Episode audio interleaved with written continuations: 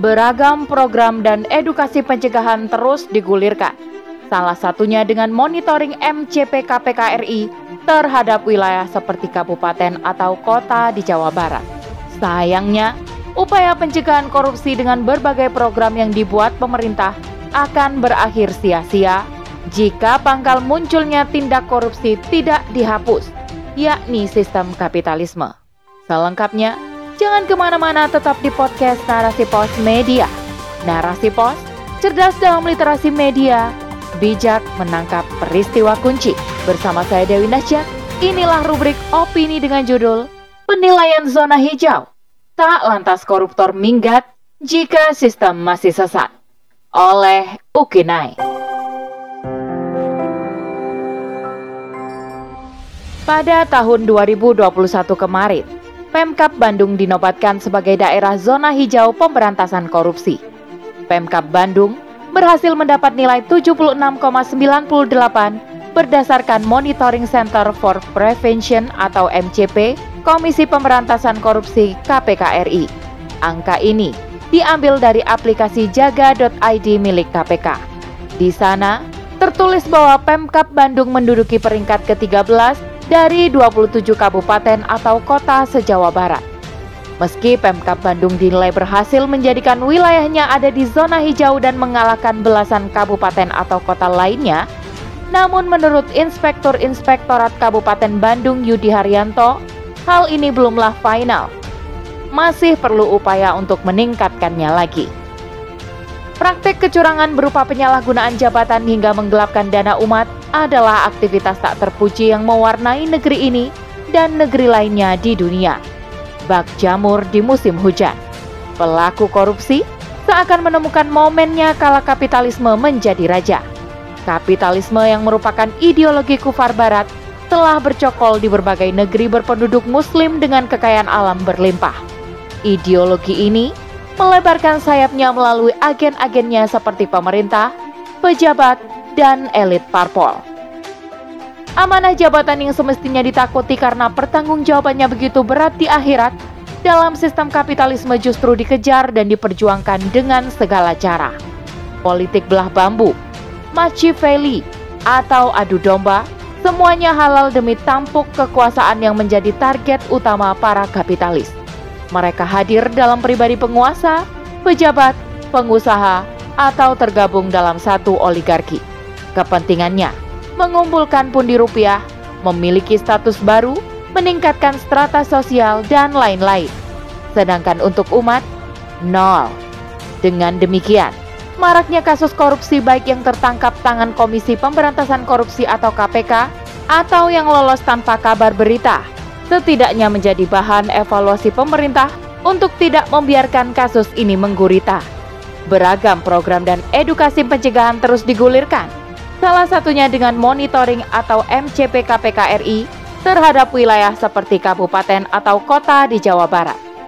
Sayangnya, upaya pencegahan korupsi dengan berbagai program yang dibuat pemerintah akan berakhir sia-sia jika pangkal munculnya tindak korupsi tidak dihapus, yakni sistem kapitalisme. Terlebih lagi, sanksi yang diterapkan negara saat ini tidak membuat pelaku jerah bahkan ada yang masih dibiarkan lolos tanpa peradilan. Ada juga yang diberikan pengurangan hukuman karena pertimbangan klise dan atau sekalinya ditahan masih bisa pelesiran. Sebut saja, misalnya Gayus Tambunan, Setia Novanto, Harun Masiku, dan Jaksa Pinangki. Padahal ulah mereka ini jelas merugikan negara yang notaben merampas hak yang seharusnya diberikan kepada rakyat. Dalam konteks ajaran Islam yang lebih luas, korupsi merupakan tindakan yang bertentangan dengan prinsip keadilan, amanah, dan tanggung jawab. Korupsi dengan segala dampak negatifnya menimbulkan berbagai distorsi terhadap kehidupan negara dan masyarakat.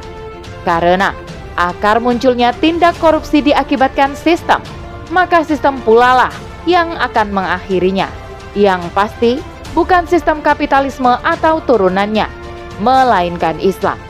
Islam dalam segala kesempurnaannya memiliki mekanisme tegas dan brilian yang akan direalisasikan dalam kehidupan bermasyarakat dan juga bernegara.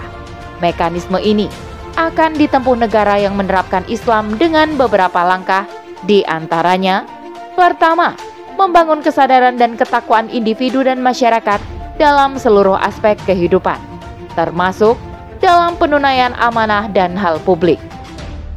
Rasulullah telah bersabda, Barang siapa mengambil sejengkal tanah secara zalim, maka Allah akan mengalungkan di lehernya pada hari kiamat nanti dengan setebal tujuh lapis bumi. Hadis riwayat Al-Bukhari dan Muslim. Kedua, menghidupkan suasana amar makruf nahi mungkar. Sebagaimana sabda Rasulullah, barang siapa yang melihat kemungkaran, maka ubahlah dengan tangannya. Jika tidak mampu, maka dengan lisannya. Dan jika tidak mampu dengan tangan serta lisannya, maka dengan hatinya. Dia itu adalah selemah-lemahnya iman. Hadis riwayat Muslim. Ketiga, menghitung jumlah kekayaan pejabat sebelum ia menjabat dan setelah ia menjabat. Cara seperti ini dikenal dengan pembuktian terbalik. Keempat, penerapan sanksi. Hukuman yang dijatuhkan disesuaikan dengan tingkat korupsi yang dilakukan. Dapat berupa hukuman penjara, denda, masuk dalam daftar orang tercela atau diekspos, pemecatan, potong tangan, bahkan sampai hukuman mati. Hukuman diberikan melalui ijtihad hakim.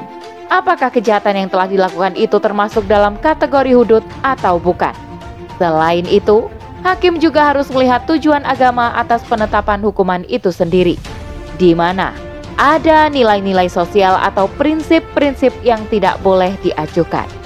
Mekanisme yang ditempuh negara penerap syariat Islam adalah solusi hakiki atas maraknya kasus korupsi di Indonesia dan di negara lain yang juga menerapkan sistem kufur.